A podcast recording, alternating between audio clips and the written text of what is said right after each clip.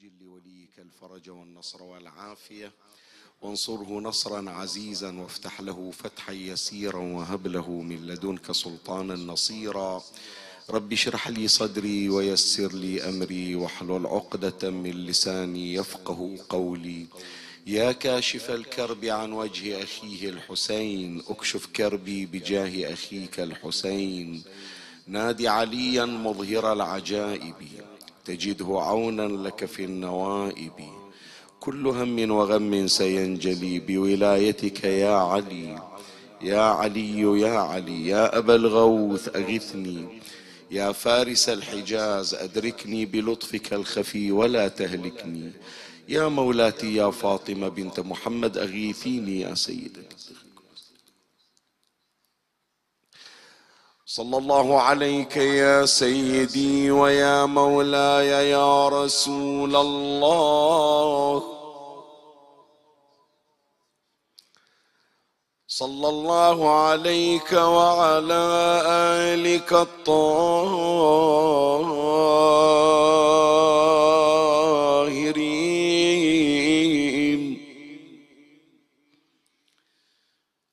فاز من اعتصم بكم.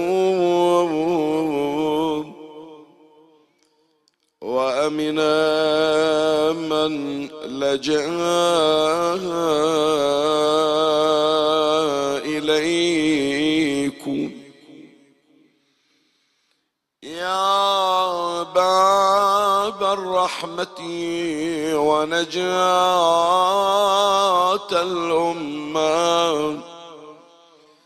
وجهت سلامي إليك يا مولاي يا أبا عبد الله. لا جعله الله آخر تسليمي عليك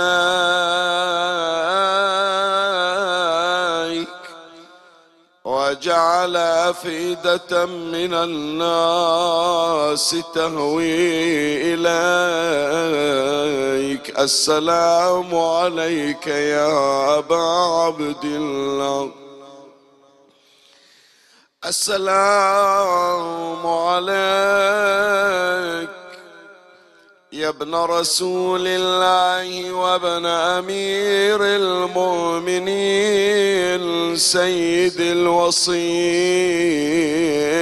وابن الصديقة الزهراء فاطمة سيدتي وسيدة نساء العالمين.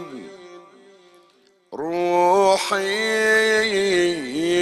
لروحك الفداء ونفسي لنفسك الوقاء. يا قتيل العدا ومسلوب العمامة والرداء ليس الغريب غريب الدار والوطن. إن الغريب غريب الغسل والكفن يا مظلوم. يا غريب كربلاء يا ليتنا كنا معكم سعادتي فنفوز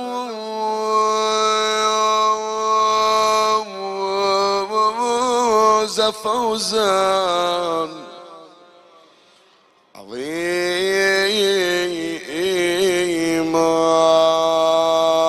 فيا رايحا نحو المدينة قف بها. وقل والدموع الجاريات سجام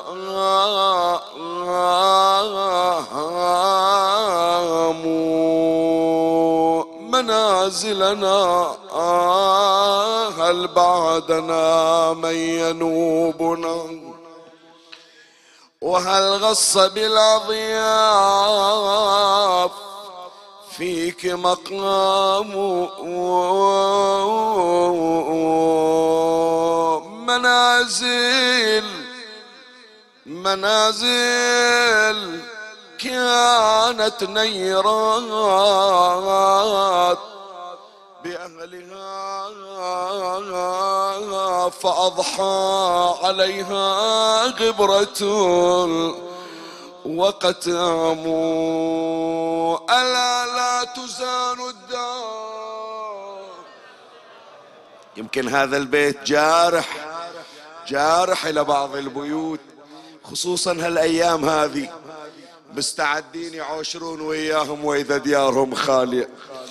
قبل محرم كم شيء كم شيء يعني جنازة إلى المقبرة. كم كانوا مستعدين إلى أيام عاشوراء. وأخذهم التراب من بين أيدينا. إيه ألا لا تزان الدار إلا بأهلها. على الدار بعد الراحلين. سلام. إلى كل من فقد عزيز. خليه يودي له ثواب هالونه بهالبيت نتذكر أحبتنا بالأمس بالأمس كانوا بالأمس كانوا معي واليوم قد رحلوا وخلفوا في سويد القلب. اي أصواتكم شباب؟ نيرانا نذر علي لين عادوا وين يعودون بعد؟ نذر علي لئن عادوا. وين رجعوا؟ لأزرعن طريق الطواف. ريحانا قيل عن لسان فاطمة العليلة لما نظرت إلى المنازل الخالية. صاحت ولا لي ولا لي مشوا عني هليلالك ولا لي ولا لي ولا لي وزماني من عقب أهلي. أبويا يا ابويا ولا لي العليلة تقول أنا للزم مهد عبد الله ولا لي ولا لي وبل كثير وحشتهم علي بل كثير وحشتهم يا يا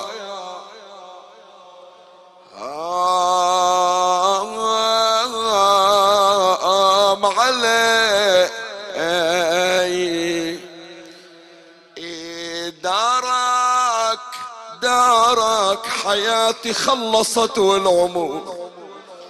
دارك دارك يا أبويا وشف الموت ما أدري شلون. دراياك لسلامة بيوتكم وعيالكم المجلس كله يصيح دارك العليلة تقول دقل شلون أطب يا حسين؟ دراك دراك شلون اسكن وهي وحشة وخلي إيه شلون اسكن وهي وحشة؟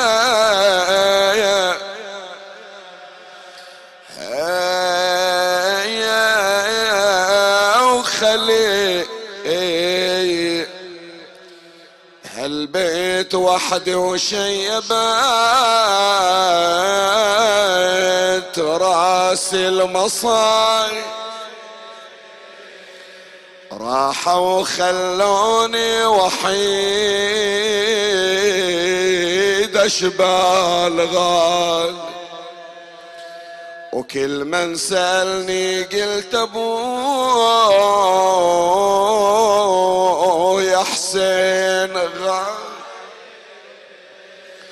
كل يوم أقول اليوم أبويا يعود لي. ومن سافر وما أشوف منهم خبر جاني. شيخ العشير حسين ضايعني ونسان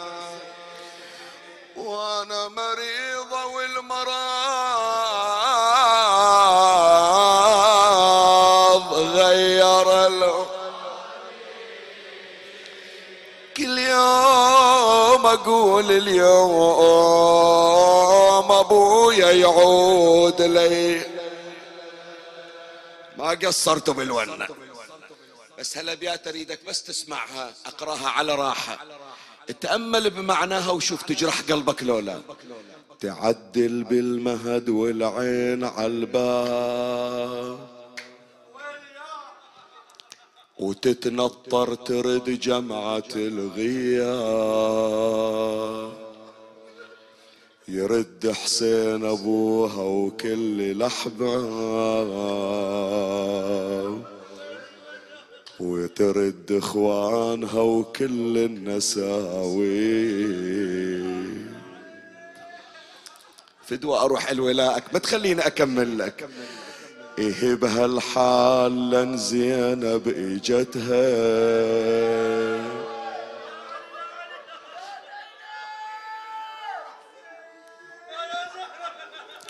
إيه بهالحال لن زينب إجتها. وضمتها لصدرها وقبلتها. لكن العليلة ما عرفتها تقل لها يا حرمة انت منين من انت اللي بطلتين الباب ودخلتين علينا؟ طلابة جاية تطلبين من بيتنا. سمعتي أبويا الحسين راجع من السفر وجاية تطلبين من عدنا. زين ليش دمعتش على خدش اشوفش بس تبكين بطل البكا وبالرحمن سمي. ولا تبكين هذا اليوم يمي أتنطر يرد بويا وعمي. وترد اخواني وكل النساوي. اسمعني. بكت زينب وصاحت يا عيوني.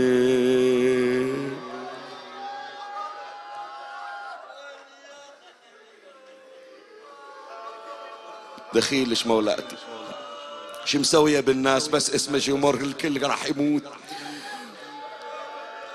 بكت زينب وصاحت يا عيوني. صرت كلكم بعد ما تعرف.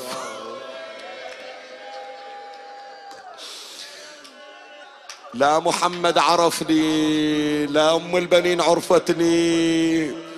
زوجي اللي عايشه وياه عبد الله ابن جعفر ما عرفني. سوت بي كربلاء بجت زينب وصاحت يا عيوني.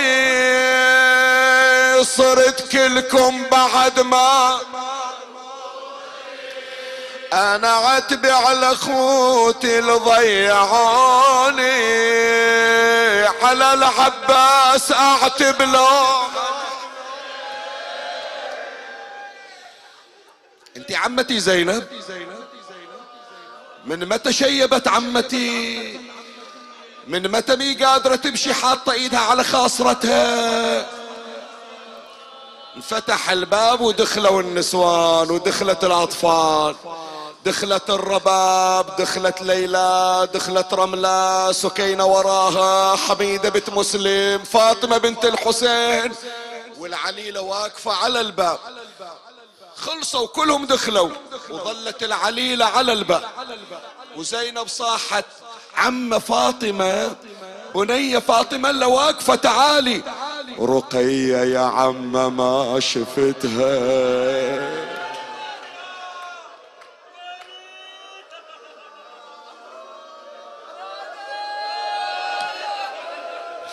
رقية يا عم ما شفتها. أخاف يا البنات وما عرفتها ولت الحورة وجاوبتها. أنا بالشام يا بنت دفنت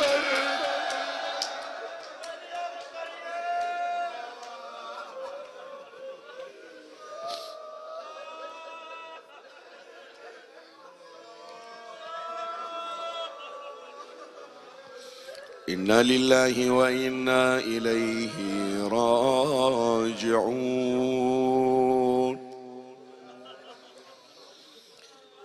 أعوذ بالله من الشيطان الرجيم. بسم الله الرحمن الرحيم. قلنا اهبطوا منها جميعا فإما يأتينكم مني هدى فمن تبع هداي فلا خوف عليهم ولا هم يحزنون.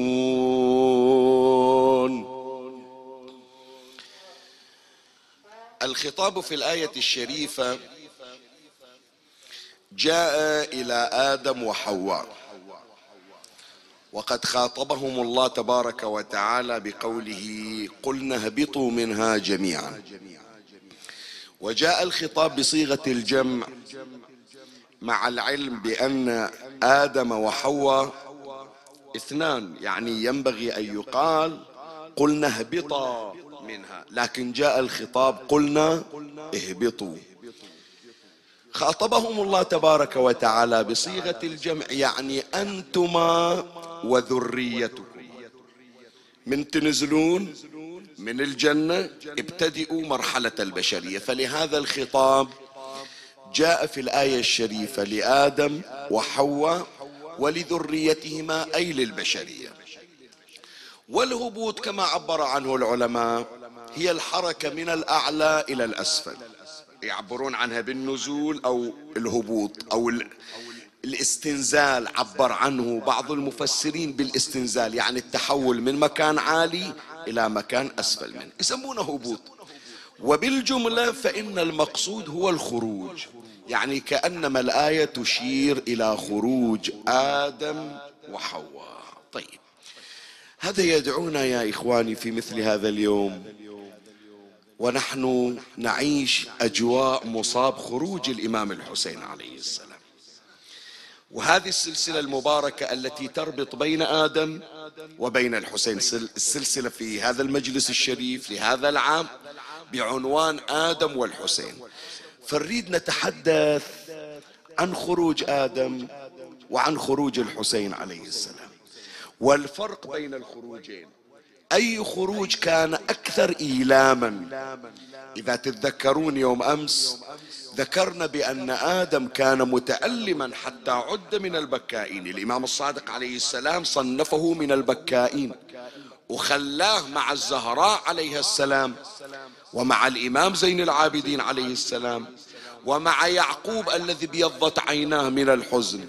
خلى الإمام الصادق صلوات الله عليه خمسة من البكائين في صدارتهم في طليعتهم. أول بكاء آدم. بكى على الجنة وعلى خروجه من الجنة. وتحدثنا عن هذا الخروج وعن هذه الجنة التي بكى عليها. بس خلنا نشوف جنة آدم وجنة الحسين وبكاء آدم على الجنة كيف كان؟ وخلنا نشوف بكاء الحسين على الجنة. هل كبكاء آدم على تلك الجنة؟ فإذا حديثنا هذا اليوم بعنوان خروج آدم وخروج الحسين صلوات الله عليهما والحديث يشتمل على فصلين سوف أمر عليهما تباعا بحسب ما يتسع له المقام. أحاول أضغط الحديث حتى يصير عندنا مجال أكثر للرثاء وللنعي. ومن الله أستمد العون والتوفيق ومن مولاي أبي الفضل العباس المدد وألتمس منكم الدعاء. وثلاثا بأعلى الأصوات صلوا على محمد وآل محمد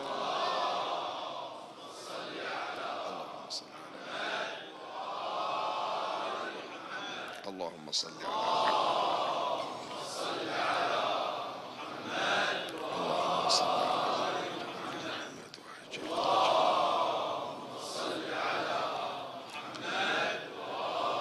مولاي الكريم اسمعني وفرغ لي قلبك واعرني سمعك وأقبل علي بكلك. أخبرتك بأن حديث هذا اليوم سيكون محتويا على فصلين أما الفصل الأول نتحدث فيه عن جنة آدم وعن جنة الحسين عليه السلام. بالذات هذا الفصل نريد نتكلم عن جنة الحسين عليه السلام يهمني أنه أتحدث عن جنة الإمام الحسين صلوات الله عليه. لأنه في البحث السابق يوم أمس إحنا أشرنا إلى الجنة التي كان يشتاق إليها آدم. وأنها كانت تحوي يعني تلك الجنة على شجرة. هذه الشجرة هي شجرة علوم أهل البيت صلوات الله عليهم. وراح نمر على الروايات فقط من باب إنعاش الذاكرة وتنوير المجلس. لكن يهمنا أنه نتعرف إلا ما تحدثنا عنه يوم أمس. وهي جنة الحسين سلام الله عليه. إذا تتذكرون راح يمر علينا طبعا. إذا تتذكرون آدم ما كان متعشقا إلى نعيم الجنة من أطعمة وما شابه. وإنما كان عشقه للجنة إلى شجرة صحيح لو لا؟ ويريد يرجع إلى تلك الشجرة. فمن نقول جنة الحسين عليه السلام؟ الحسين أيضا عنده جنة. هل كانت للحسين جنة؟ وهل كانت للحسين شجرة كشجرة آدم؟ وهل كان بكاء الحسين عليه السلام على فراق تلك الجنة التي تحوي تلك الشجرة؟ كبكاء آدم أو أشد من بكاء آدم؟ هذا راح يمر علينا. وإذا مر هذا التفصيل إحنا نسمع نقول الله شقد آدم مأنوس بتلك الشجرة؟ وراح نسمع كيف أن الحسين عليه السلام كانت عنده شجرة أعلى من تلك الشجرة التي رآها آدم في الجنة. نشتاق إلى أن تكون عندنا شجرة لأهل البيت. مثل ما آدم كانت عند شجرة ورجع إلى تلك الشجرة. فهل عندنا جنة كجنة آدم وجنة الحسين؟ لو ما عدنا. هذا في هذا الفصل كله راح أبين لك أولا أرجع إلى الروايات اللي ذكرناها في يوم أمس. قلنا بأن الجنة التي عاش فيها آدم والتي أخرج منها وأنزل إلى الأرض إلى الكرة الأرضية وظل يبكي على تلك الجنة لأنها تحوي شجرة. والشجرة أي شجرة هي؟ شجرة علوم محمد وآل محمد صلوات الله عليهم أجمعين.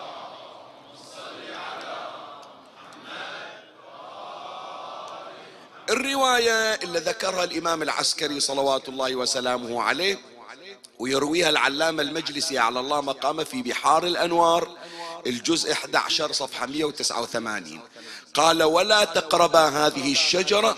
الآن الإمام العسكري يبين أي شجرة هي. قال شجرة العلم شجرة علم محمد وآل محمد. آثرهم الله تعالى به دون سائر خلقه. فقال الله تعالى ولا تقربا هذه الشجرة. أي شجرة؟ شجرة العلم علم محمد وآل محمد. الإمام يقول شجرة العلم فإنها لمحمد وآله خاصة دون غيرهم لا يتناول منها إلا بأمر الله إلا هم. يعني ما يقدر أحد أنه يدنى إلى تلك الشجرة. والروايات تشير إلى أن الله تبارك وتعالى قد جعل ملائكة يحوطون على تلك الشجرة ويذودون عنها أي أحد حتى الملائكة ما تقدر توصل حتى جبرائيل ما يقدر يوصل إلى الشجرة.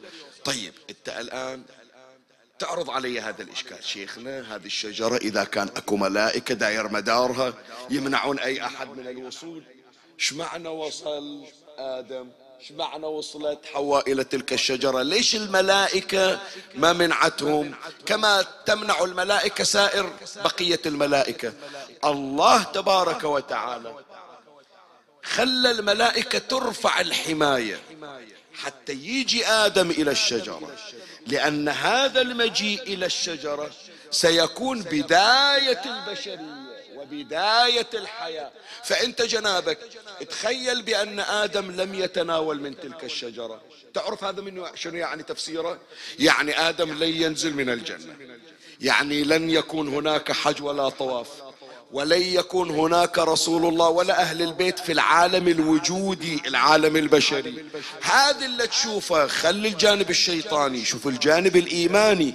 هذا كله مما تراه من دين من ولاء من تشيع من أنوار لأهل البيت صلوات الله عليهم.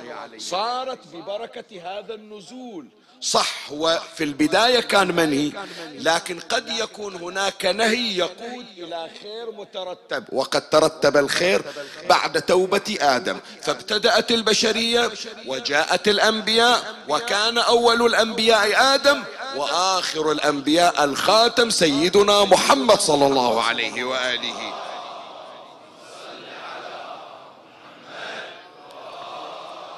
بعد الإخراج. إخراج آدم من الجنة لأن الله أمره ألا يصل إلى تلك الشجرة يعني ألا يتمنى أن يكون في مقام تلك الشجرة يعني في مقامات أهل البيت. وعى آدم هذا الدرس. علم بأنه خلاص أنا مرتبتي أقل من مرتبة محمد وآل محمد. لا أتجاسر على مقامهم هذه الشجرة خلقها الله تبارك وتعالى فقط لأتوسل إلى الله بها فقط لأطلب من أصحاب الشجرة أن يزودوني بالعلم فأرتقي إذا توسلت بأصحاب الشجرة إلى الله. أما أن أكون في نفس مستواهم أن أكون في مستوى درجتهم أن أكون في مستوى مقامهم هذا تعدي. كأنما واحد يقول أنا أريد أصير ويا الله على العرش. الله والله. لا. هم مو في مقام الخالق لا. في مقام المخلوق لكن أعلى درجات المخلوقين. ودونهم لابد أن يكون أدنى منهم ويقر بالفضل إليهم. لما وعى آدم هذا الدرس ارتفع شأنه أعلى وأعلى. نقرأ الرواية اللي أيضا يذكرها العلامة المجلسي على الله مقام في بحار الأنوار الجزء 11 صفحة 175 قال عن الإمام الصادق عليه السلام لقد طاف آدم عليه السلام بالبيت مئة عام.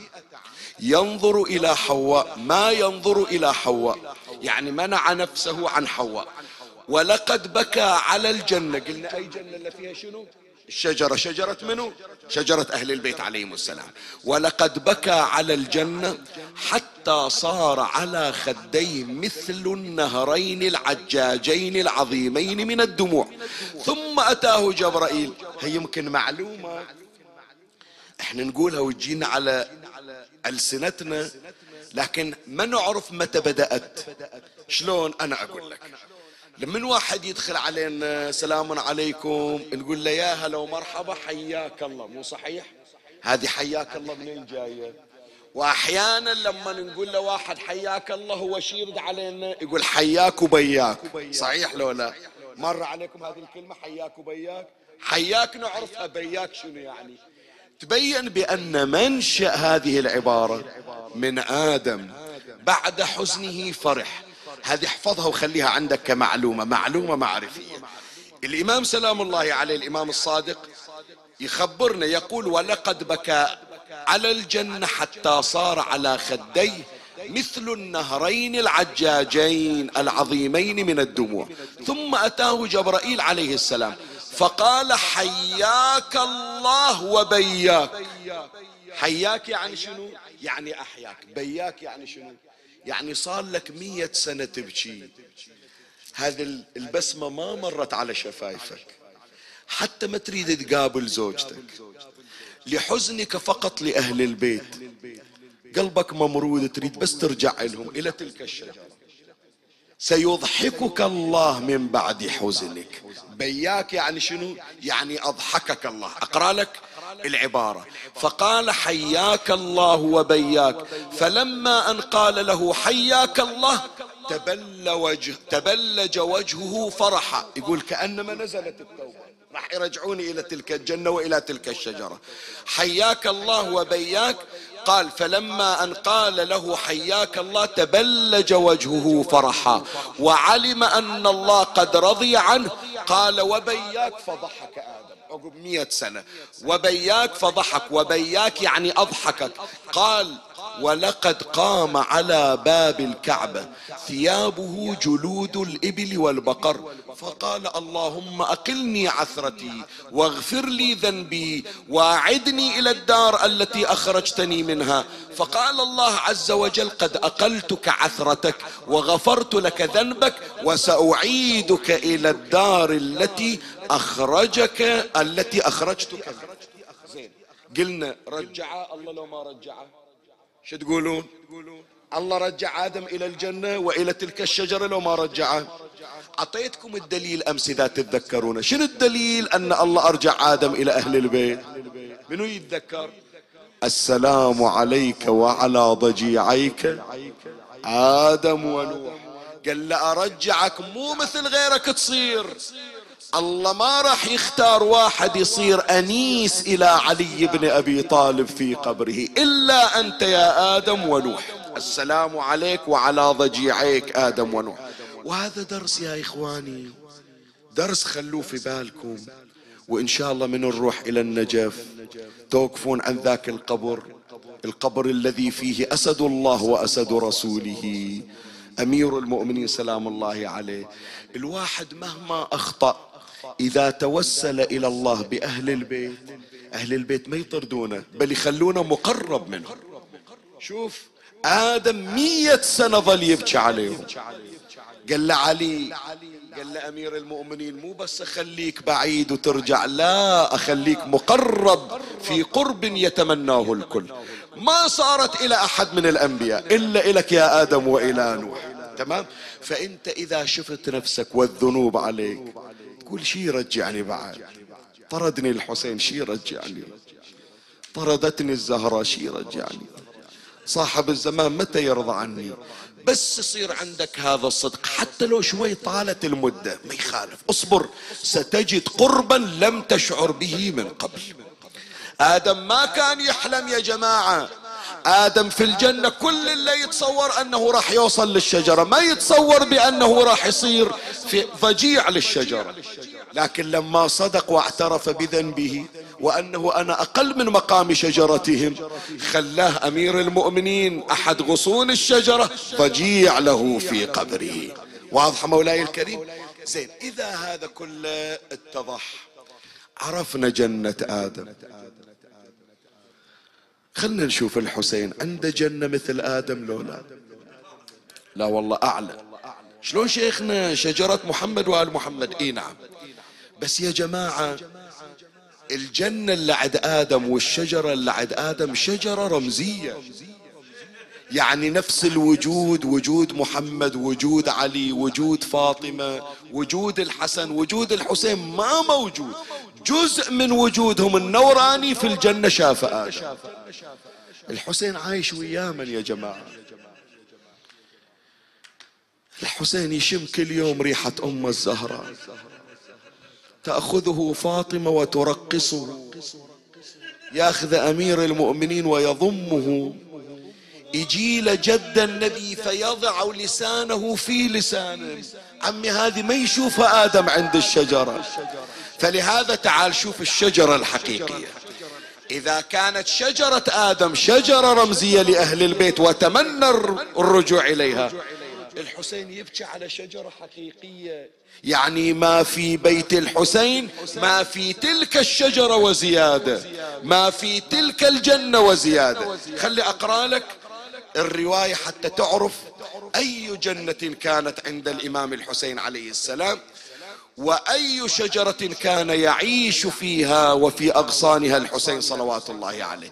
قال الإمام جعفر الصادق عليه السلام سئل النبي صلى الله عليه وآله عن قوله طوبى لهم وحسن مآب.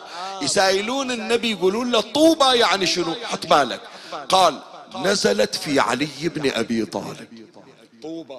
نزلت في علي بن أبي طالب عليه السلام.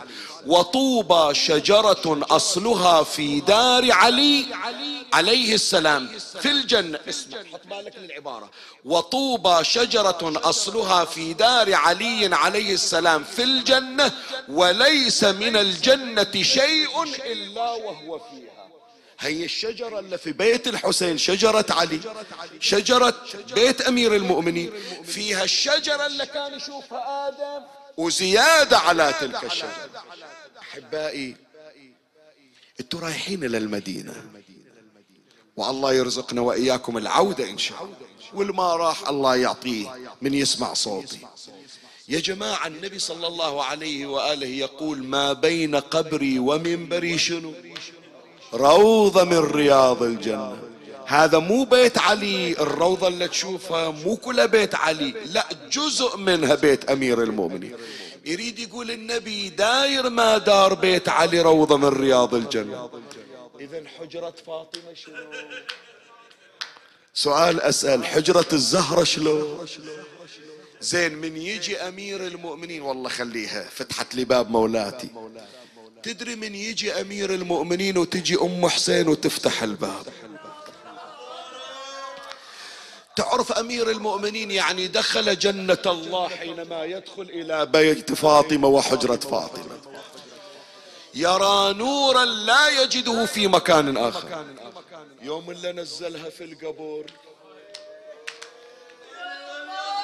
ورجع للبيت. ما يوم من الأيام احتاج علي يطرق الباب. لا هي تعرف أم حسين. الآن شلون تعرف؟ خلاص التواصل النوراني بين علي وفاطمة. تحس قلب الزهرة يحس. تروح توقف على الباب. قبل لا يمد ايده علي. هي أم حسين فاتحة الباب. يوم نزلها بالقبر إجا وقف أمير المؤمنين على الباب. ما انفتح الباب. قال وين هلا تبطل الباب كل مرة من أجيها؟ أثاري نزلتها وأهلت عليها التراب. إي فلهذا غصن من أغصان تلك الجنة قطف عمره 18 سنة وراح تحت التراب. عرفنا مولاي الكريم فإذا تقول لي بأن آدم بكى على جزء من تلك الشجرة ومن تلك الجنة. بكاء الحسين يا جماعة عند قبر النبي من يطلعون من المدينة شنو بكاء؟ فكر بس فيها. هذه اليوم أريدك ما ينتهي اليوم إلا تصفن وتفكر فيها. جزء من تلك الشجرة آدم بكى عليه مئة سنة. زين الشجرة كلها في بيت الحسين وراح يطلعون الحسين من غير اختياره فلهذا قاعد عند القبر وصيح جدا خذني إليك لا حاجة لي لا حاجة لي في الرجوع إلى الدنيا. آدم شوية من هالشجرة شاف بالجنة مية سنة يقول ما أريد الدنيا. أنا الشجرة كلها مطلعيني عنها شلون حالي؟ زين إحنا القاعدين. هذه فائدة. حتى تعرف هالأيام أنت عايش في الشجرة التي كان يستظل بها حسين. في الجنة وجنة أكبر من الجنة التي تمنى آدم الرجوع إليها. شو تقولون يا جماعة؟ أيام محرم وقعدتنا بالماتم جنة لو مو جنة؟ شلون مو جنة؟ كم واحد يا جماعة جاي وشايل الهم والغم؟ انكشف عنه الهم باسم الحسين وببركات أبي عبد الله. خلي أبين لك أن هذا الإحساس اللي تحسه.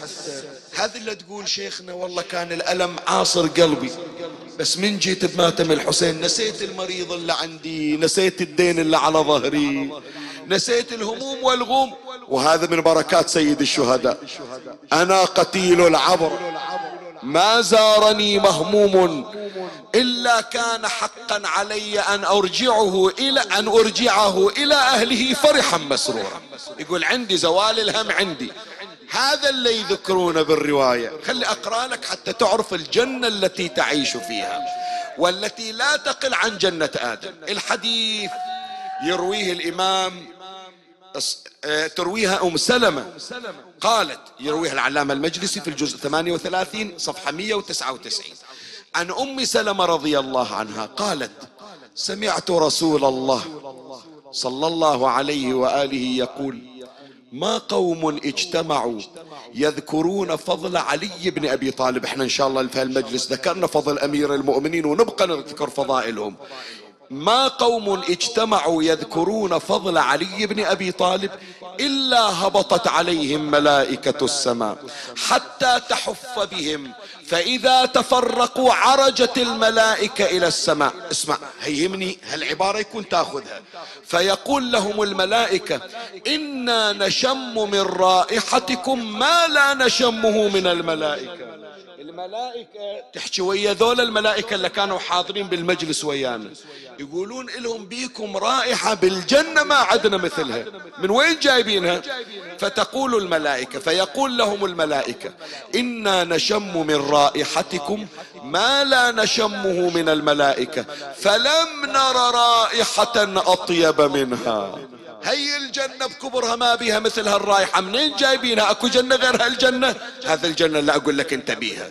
فتقو فيقولون كنا عند قوم يذكرون محمدا وأهل بيته.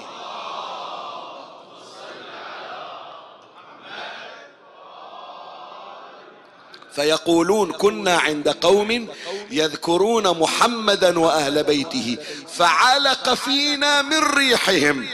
فتعطرنا. الله أكبر. هي يصفن فيها. والله. الجماعة يتذكرون أنا قاري هي الرواية بشهر رمضان حسينية أبو صيبة. يا جماعة مو عطر الماتم. حط بالك. لازم أوقف عند هالكلمة. مو عطر الماتم شالت الملائكة وصعدت به للسماء. لا لا. العطر اللي موجود بجنة مآتم الحسين. بعد ما طلع ريحة العطر اللي تعلقت في أجنحة الملائكة. يعني الريحة الموجود أساسية الموجودة بالحسينية بمجلس الحسين ما موجود مثلها بالجنة. هذا مثل ما تذكر أم سلمة. أقرأ لك النص. فيقولون كنا عند قوم يذكرون محمدا وأهل بيته فعلق فينا من ريحهم فتعطرنا. فيقولون الملائكة اللي بالسماء ما حولوا وياهم إلا ما إجوا يسمعون. فيقولون اهبطوا إلينا اهبطوا بنا إليهم. فيقولون تفرقوا خلص الخطيب كل من راح بيتهم. انتهى خلاص المجلس. فيقولون تفرقوا ومضى كل واحد منهم إلى منزله. فيقولون اهبطوا بنا حتى نتعطر بذلك المكان. جنابك خلصت المجلس ومشيت. وسدوا باب الحسينية. تنزل الملائكة. يتمسحون بالمنبر يتمسحون بجدران الحسينية مثل ما تذكر الرواية الشريفة. عرفت ليش أمهاتنا إذا تتذكرون وآبائنا؟ إذا عندهم مريض قالوا ودوا هذه فانيلته والله ثوبه خلوها عند المنبر. ليش يا جماعة؟ شنو السبب؟ لأن من أسرار هذا مو جاي هالشكل عفوي لا من روايات أهل البيت. لأن ما موجود في أسرار مجلس الحسين حتى بالجنة ماكو مثله من خلال هالروايات لكن أقول حتى أختم هالفصل بعد مجلسي انتهى. باقي الفصل الثاني في دقيقتين وأختمه. التوصية. انت نازل الآن بجنة الحسين. انت قاعد الآن بجنة الحسين. جنة حتى آدم ما شاف مثلها. جنة آدم عطوه جنة رمزية انت عطوك جنة حقيقية. الملائكة تتمنى تقول بس نزلونا بس نزلونا. لو بس نوقف على الباب ناخذ من هالريحة اللي ما شفنا مثلها. يقولون خلاص خلاص مشى وما لحقتوا. يقولون بس ناخذ ريحة ولو من بعيد يتمنون حضورك. لا يصدر منك ذنب فيطردك من هذه الجنة. كما طرد آدم عن الجنة الرمزية. عمي آدم بقى مئة سنة يبكي يقول بس رجعوني. ليجي يوم دير بالك. يا زاير الحسين يلي راح تروح بالأربعين من تروح خلي عينك بالأرض لا تطالع بأعراض الناس. ولا يصدر من لسانك شيء يغضب عليك. الحسين يقول روح بعد أعطيناك جنة بس ما عرفت قيمتها. اطلع. لا خليك حريص على أن تكون من أهل الجنة. لا تكن طريدا من هذه الجنة. الفصل الأول انتهى. خلي أجي إلى الفصل الثاني. هو هذا الفصل الثاني مثل القوريز اللي نطلع إليه. نقول ما يخالف؟ آدم طلعوه من الجنة. والحسين هم طلعوه من الجنة. آدم كان بذيك الجنة الرمزية. الحسين كان بالجنة الحقيقية. بس يا جماعة أسألكم آدم يوم طلع رجعوا رجع؟ مو قلنا رجع؟ زين. حسين يوم طردوه. رجعوا؟ عود إلى أهله. لو لا صار غريب. إلى الآن من يسمونه غريب. ليش تقول يا غريب يا مظلوم؟ اعرف اعرف اعرف هذا اذا موجود احبائنا من اهالي كربلاء يسمعونا عبر البث. قد واحد يعتب على البحرنا يقول شيخنا ليش يسمون الحسين غريب؟ تعالوا شوفوا قبة الحسين شلون صايرة. تعالوا شوفوا ضريح الحسين شلون صايرة. كربلاء صارت مركز يجذب الناس. وين غريب؟ غريب يوم كان ثلاثة أيام مقلوب على وجهه غريب يوم كان عار اللباس قطيع الرأس.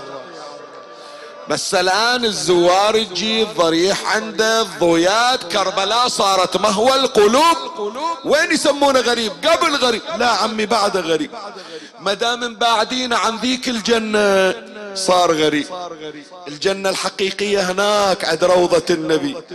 الجنة الحقيقية هناك عند ريحة فاطمة. والحسين يتمنى ذاك الوقت. فلهذا يا إخواني خلاص بعد أكثر من هذا ما أقرأ. هالمقدار كافي. شيخ المازندراني يقول أول ما إجا الحسين يريد يودع حس روحه راح تطلع من جسده. متعود بهالبيت بهالجنة. وين يروح؟ القبور قدامه قبر جدة وقبر أم فاطمة. قال خلي أول ابدي بقبر مكسرة الأضلاع. الحنونة الحنونة. إلا جد النبي يروح إليها. إلا جد النبي إذا استمرض يا فاطمة إني أجد في بدني ضعفا. ذاك اليوم جدي سخن شوية حطت عليه أم الكساء وطاب. أنا مو سخونة أنا نار بقلبي نار الفراق.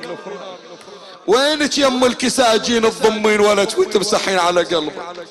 فلهذا الشيخ المازندراني يقول من وصل عند قبر فاطمة من بعيد بعد ما وصل صح أمه.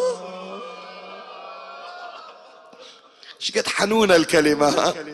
أمة فاطمة. رد قامي وين؟ أمة. حسينك جاء لوداعك طار ديني أمة طار ديني. فيذكر الشيخ المازندراني يقول وإذا بصوت خرج من قبر فاطمة. إي والله. تعرف حنانها شقد ما يخالف. اليوم يوم فاطمي تراها. ما صار عندي بكل المجالس إلا بهذا المجلس. الزهرة ما تقدر تسمع ونة ولدها. اعطني مهلة عمي. والله أنزل من على المنبر وابوس إيدك بس أقرأ لك هالكلمة وأرجع لك. ترى من اجى الحسين يم جنازة الزهرة. حط خده على أقدام فاطمة. الحسن على صدرها. استحى من أخوي يقول له قوم يا أخوي خلي أنام على صدر أمي مثلك. يحب أخوه الحسن ما يتجرأ. قال خليك أبو محمد عندي مكان أروح له. حط خده على أقدام فاطمة. صح أمه أنا حبيبك يا حسين. كلميني قبل أن ينصدع قلبي فأموت.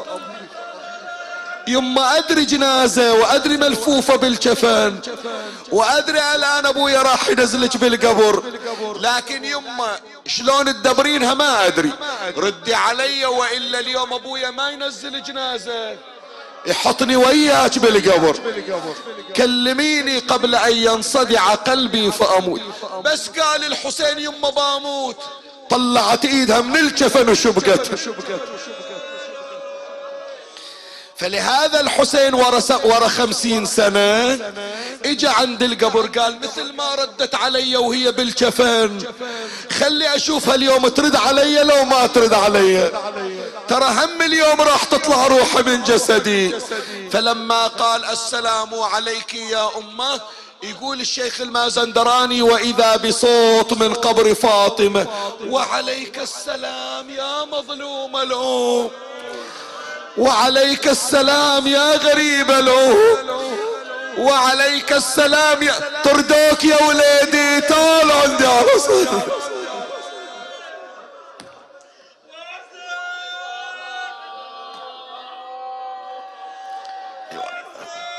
لك والله. عم اذكرني بأثناء هذه الدمعة. روح فدوه إلك. وأدعي لكم وأدعي لي بكل من طلب بس لا تنسوني من الدعاء. بعد حكاية ما قارنها بالمجالس الأخرى أريد أقرأها الآن. كنا تقول له أبو علي مخلي زينب ورقية وجاي عندي. نص الليل يا أبو علي ومخلي فراشك الناس كلها نايمة وقاعد بالمقابر عندي. شقد حنون يا حسين؟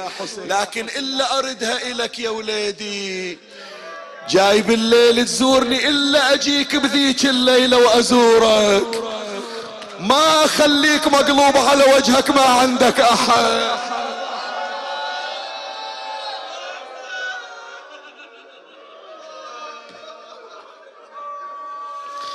يلا عمي سمعني صوتك. بعد الدمعة وحضرت إلك باقي صوتك الآن. ثم عاد إلى قبر جده النبي. ورمى بنفسه على القبر وصاح جداح. أنا الحسين بن فاطمة فرخك وابن فرختك وسبطك الذي خلفتني في أمتك. خذني إليك فلا حاجة لي في الرجوع إلى الدنيا. أريد الجنة عندكم يا جدي. ضمني عندك يا جدام في هذا الضريح علني يا جد من بلوى زماني. أستريح ضاق بي يا جد من فرط الأسى. كل فسيح فعسى طود الاسى يندك بين جيت صفو العيش من بعدك بالاقدار شيب وأشاب الهم رأسي قبل إبان مشيب فعلى من داخل القبر بكاء. كل سنة انت اللي تقراها. ونداء بافتجاع.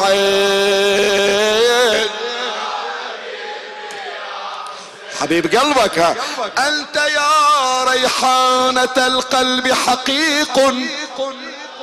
بالبلاء إنما الدنيا أعدت لبلاء وبلاء لكن الماضي قليل في الذي قد أقبل. فاتخذ درعين من حزم وعزم سابغ. إيش راح يصير إيش راح يصير؟ الزم قلبك ستذوق الموت ظلما. ضاميا في كربلاء وستبقى في ثراها. عافرا منجدلا يا الله يا الله وكأن لي بلئيم الأصل شمره. قد على على وين على وين صدرك الطاهر بالسيف.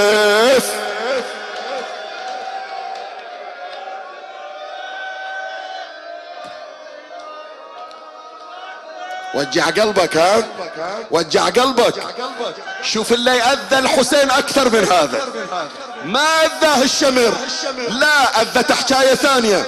وكأني بالأيام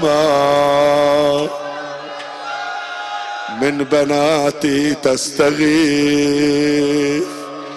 سغبا تستعطف القوم. وقد عز المغيث قد برى أجسامه النظار. متى ضربوها يا جماعة؟ متى ضربوها؟ يا الشمر والله ضربني. ضربني ضربني خويا شاليد وعلى خدي سطرني. قد أجسامه النظار والسير الحثيث بينها السجاد في الأصفاد مغلول اليد. تحسر على الروضة. آه وقلبه من الحزن ذا. وعفر خدوده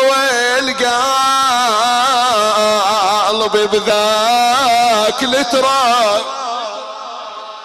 نادى عزيزك يا بتول من الهضم شاء متحير بالوطن ما يحصل له قعود. ولا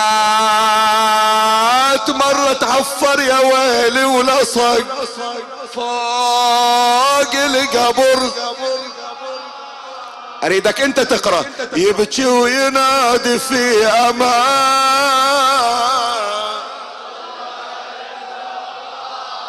آه مكسور قلبي من الهضم. والله يجبر. ورد القبر خيه وقلبه بنار موقوف. البارحة قلتها واليوم أريد أقولها بعد حتى ما ينختم المجلس.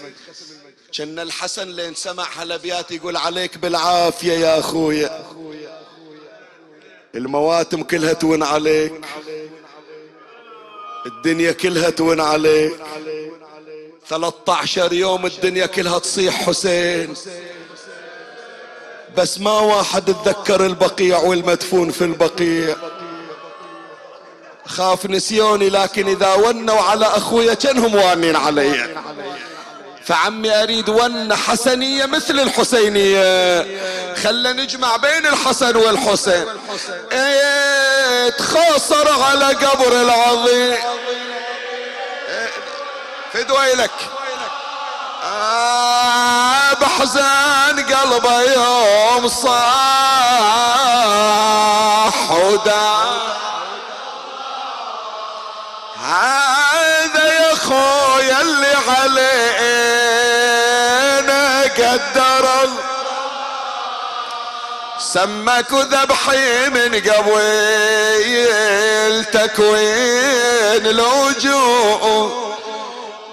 قضيت اللي عليك من المنية وعالجت غصتها وظل اللي علي. ولازم يا خويا أنذبح في الغار.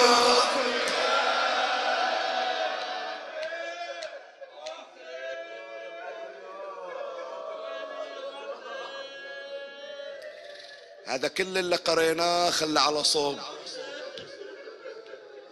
سيرة اليوم لازم نقراها قريناها. وإن شاء الله وفقنا بيها. شوي يا عمي عطني هالدقيقتين هذه. هي بروحها خلها على صوب. هي الدمعة الحارة نريد نجرها. اللي يسافر ويا عايلته. أول ما يصعدون السيارة. الأبو يسأل الولد. يقول له بابا طفيت الضويات. يقول إيه بويا؟ بندت الكهرباء. يقول إيه بندناها قفلت البيبان. قال مريت على البيبان واحد ورا واحد. قال ما نسينا أحد من الجهال في البيت. سمعتوني يا جماعة عن عائلة مشت وخلوا بنية صغيرة عنه. ما حد سواها. صحيح لو لا؟ حتى إذا بالغلط نسيوا طفلة ومشوا. الأم تصرخ نسيت بنتي. رجعوا لها ما حد خلى بنية ومشى عنها إلا صاحبها اليوم. ركبوا بالضعينة وتحركت الضعينة. شوية وإذا الصوت من وراهم. صاحت صوت يا أبويا خذوني.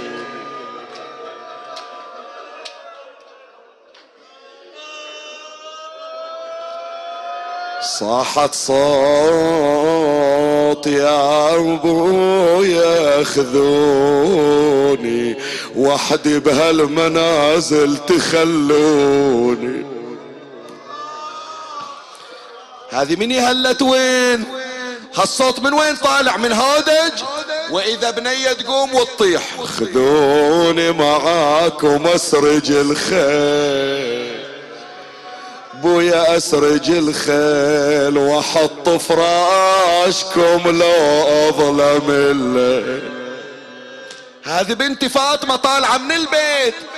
نزل الحسين من على ظهر جواده بنية شم طلع عنك شم طلع عنك أنا ساد الباب قلنا نايمة ما اريد نزعجك قالت بويا أنا قاعدة وشيل ضعنكم وجني غريبة ماني منكم يا أبو.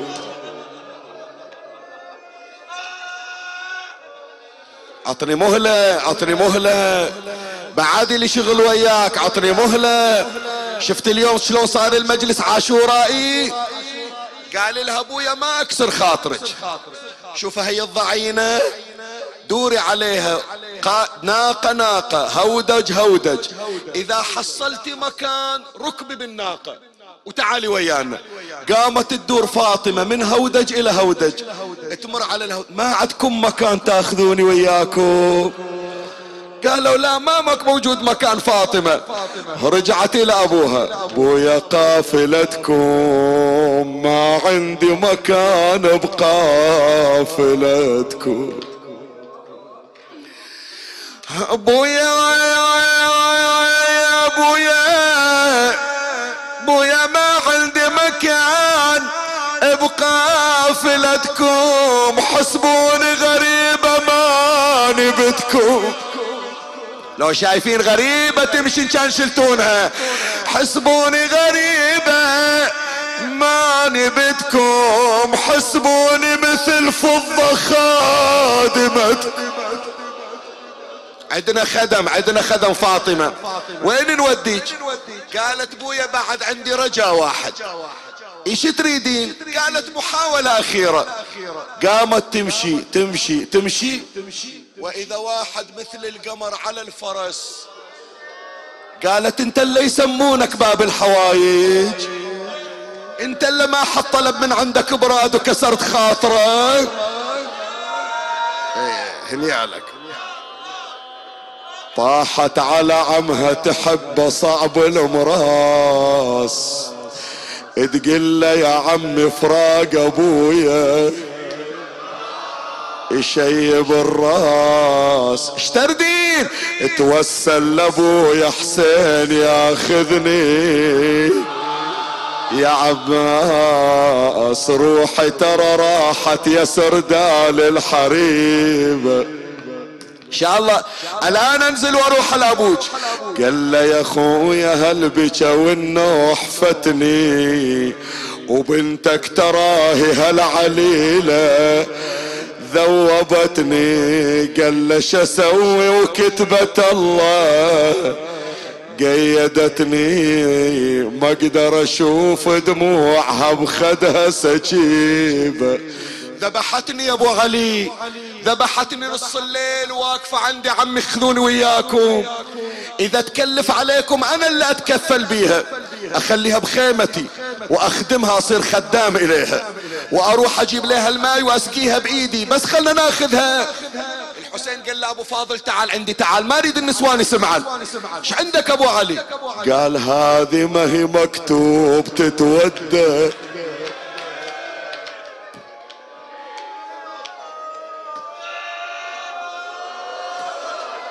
ما عندها طاقة على الخرايب هذه. خلي الم الخرايب ذيك اللي بتموت على راسي هذه ما عندها طاقة. هذه ما هي مكتوب تتودد هدية هدية ولا هي أخويا من سبايك. الغاضرية ردي. وردتك غصبي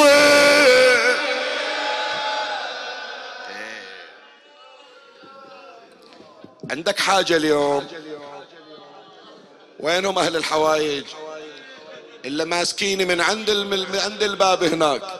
شيخنا لا تنسانا الحاجة متعسرة وجايين عند الحسين. أوديك لأم الحوايج. هي اللي تعطيك مرادك وتأخذ مرادك. يقول له أبو فاضل بترجعها لو أرجعها أنا. نص الليل والضعينة واقفة. ترجع بنت أخوك لو أرجعها أنا.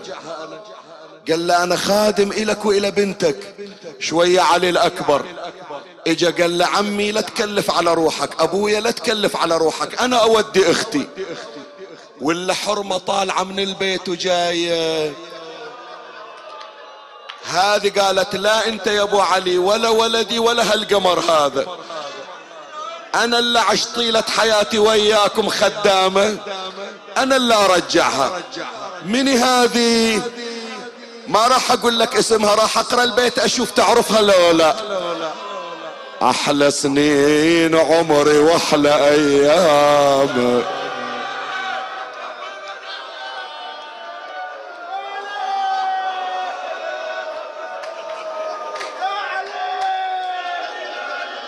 ارحم روحك عاد ارحم روحك شوية بعد اللي شغل وياك جاي لنا سابع أحلى سنين عمري وأحلى أيام. يوم الجيتكم للبيت خد. أظل طول عمري رافع الهام. وأصيح بصوت آية حسين ومصاب. أبو علي. أبو علي قبل لا تمشي. بعد ما بشوفك عقب اليوم.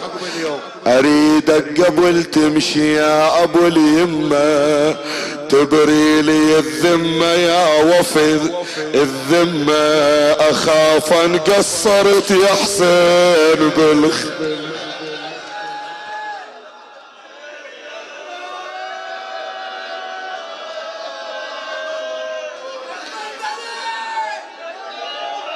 دخيلك مولاتي عينك علينا.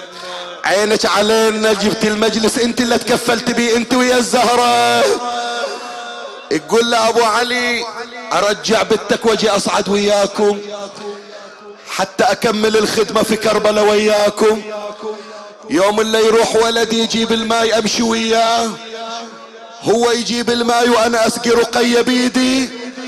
قال لا يما ما أرد لك طلب لكن إلا هذه إلا هذه أردك بيها قال لها يا يما معانا لا تجين أنت حسبة امي يم قلب الحنين. ليش؟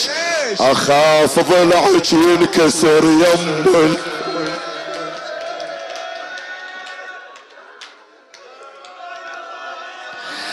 خاف ضلعك مثل ام ينكسر.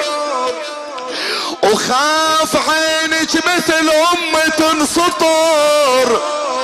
وزينب تشوفينها وقت العصور بين نيران العدا وسلاب. خلاص بعد. أقرأ لك بعد؟ خلاص كافي. المجلس مكتفي خلاص أنزل من على المنبر. مجلس إن شاء الله منظور وتبشرونا بقضاء الحوائج.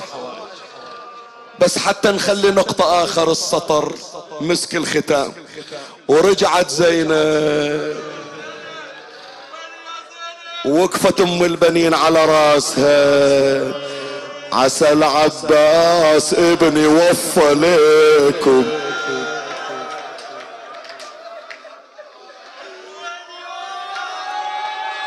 شنو ما تخلص دموعكم يعني؟ عسى العباس ابني وفى لكم أشوف غبار يا زينب. عقب عباس يا يما سبوني وسط المجالس دخلون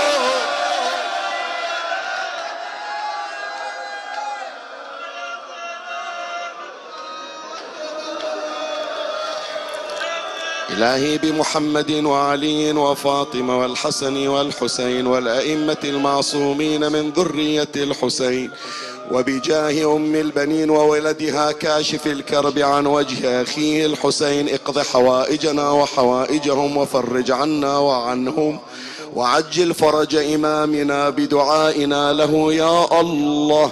ترحم على أمواتي وأموات الباذلين والسامعين والمؤمنين أوصل لهم جميعا ثواب هذا المجلس الشريف وبلغهم ثواب الفاتحة مع الصلوات.